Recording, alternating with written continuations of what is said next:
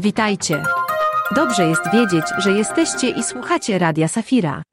Dzisiaj mamy sobotę, 3 czerwca. Pozostało 211 dni do końca roku.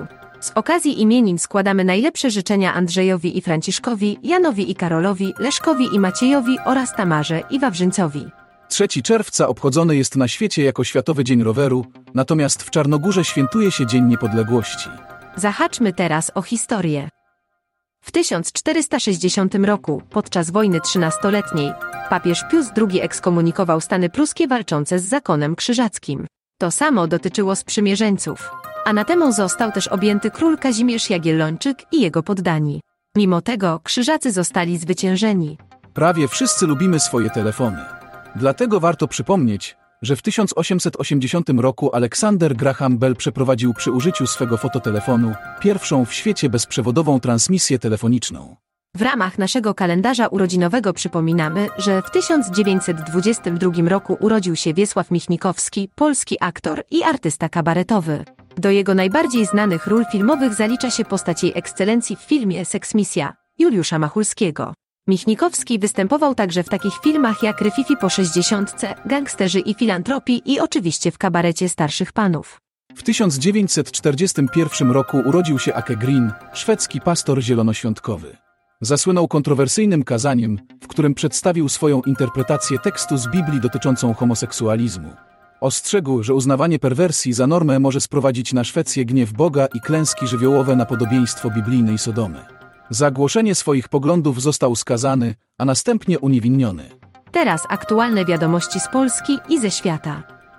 Warsztaty i wykłady związane z żydowskim świętem Szawuot odbyły się w Parku Etnograficznym w Tokarni. Wydarzenie, w którym uczestniczyli uczniowie i dorośli z regionu, miało na celu przybliżenie tradycji i folkloru żydowskiego. W Polsce zakończyła się rejestracja na Światowe Dni Młodzieży w Lizbonie. Zarejestrowanych jest około 25 tysięcy Polaków. Teraz rejestracja jest możliwa tylko przez internetowy system portugalski. Organizatorzy poszukują jeszcze 5 tysięcy wolontariuszy do wydarzenia, które odbędzie się od 1 do 6 sierpnia. W Piszu odbył się diecezjalny Dzień Młodzieży Diecezji Ełckiej. W imprezie wzięło udział ponad 3 tysiące osób. Na uroczystości składała się adoracja, świadectwa, katecheza i uroczyste nabożeństwo. W rozmowach poruszano tematy takie jak życie bez uzależnień i znaczenie sakramentów. Fundacja Dajemy Dzieciom Siłę wraz z innymi organizacjami apeluje do marszałek Witek o przyspieszenie prac nad ustawą o ochronie dzieci. Projekt został złożony w Sejmie 12 maja.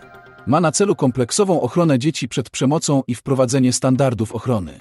Fundacja działa od 1991 roku. Oferuje pomoc dzieciom doświadczającym przemocy. Patriarcha serbskiego kościoła prawosławnego Porfiriusz apeluje o pokój w Kosowie. Odezwę wystosowano po starciach między siłami pokojowymi a Serbami w związku z wyborami burmistrzów. Oskarżenia padły ze strony Serbii na premiera Kosowa i prezydenta Serbii. Mimo nieuznawania niepodległości Kosowa przez mniejszość serbską i Kościół, patriarcha prosi o współistnienie i pokój z Albańczykami kosowskimi. Delegacja Konferencji Kościołów Europejskich i Komisji Konferencji Episkopatów Unii Europejskiej spotkała się z ministrem Szwecji. Dyskutowano o prezydencji Unii Europejskiej. Mówiono o sytuacji na Ukrainie. Podkreślano znaczenie zrównoważonego rozwoju, migracji, azylu i zdrowia psychicznego. Podkreślono rolę religii w promowaniu pokoju. Spotkanie było elementem dialogu kościołów z Unią Europejską. Obie organizacje reprezentują odpowiednio protestanckie i katolickie kościoły w UE. Muzyka gospel zyskuje na popularności w Szwecji. Inspiruje społeczeństwo i niesie dobro. Dyrygent Jonas Engstrom prowadzi festiwal chórów gospel w Sztokholmie. Wskazuje na wpływ tej muzyki na życie. Mówi, że gospel to głos siły i nadziei.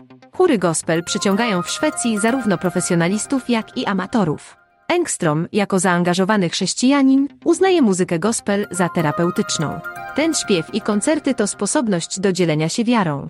Campbell Linow, uczennica liceum Etaskesite w Teksasie, wykorzystała szkolne przemówienie do opowiedzenia o wpływie Jezusa na jej życie. Mimo początkowych zastrzeżeń dyrektora, jej wystąpienie przed dziesięciotysięczną publicznością zdobyło ponad 91 tysięcy wyświetleń na Facebooku. Linow planuje w przyszłości zostać misjonarką i tłumaczką Biblii. Badacze z Cambridge odkryli XV-wieczny rękopis ujawniający, że średniowieczny brytyjski humor przypominał styl Monty Pythona. Minstrelowie krytykowali królów, księży i chłopów w swoich dowcipach i pieśniach. Odkrycie pomaga lepiej zrozumieć początki i różnorodność brytyjskiego humoru. Ukazuje satyryczną tradycję występów na żywo. To był serwis informacyjny. Wszystkim słuchaczom Radia Safira życzymy miłego czasu, pełnego pozytywnych doświadczeń. Pamiętajcie, że zawsze czekamy na Was z dobrymi wiadomościami. Do usłyszenia.